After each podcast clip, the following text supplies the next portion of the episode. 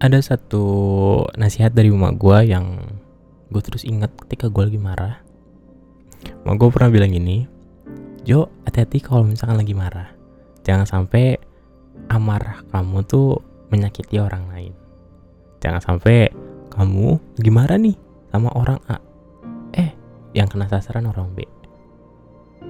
Jangan sampai kayak gitu. Kamu harus bisa mengontrol emosi. Karena nggak semua orang bisa ngerti kamu. Yang bisa ngerti kamu ya cuma kamu doang. Jadi kamu yang bisa ngontrol emosi kamu lah. Kamu nggak boleh berharap orang lain bisa ngertiin kamu dan berbuat semaunya kamu yang nggak bisa.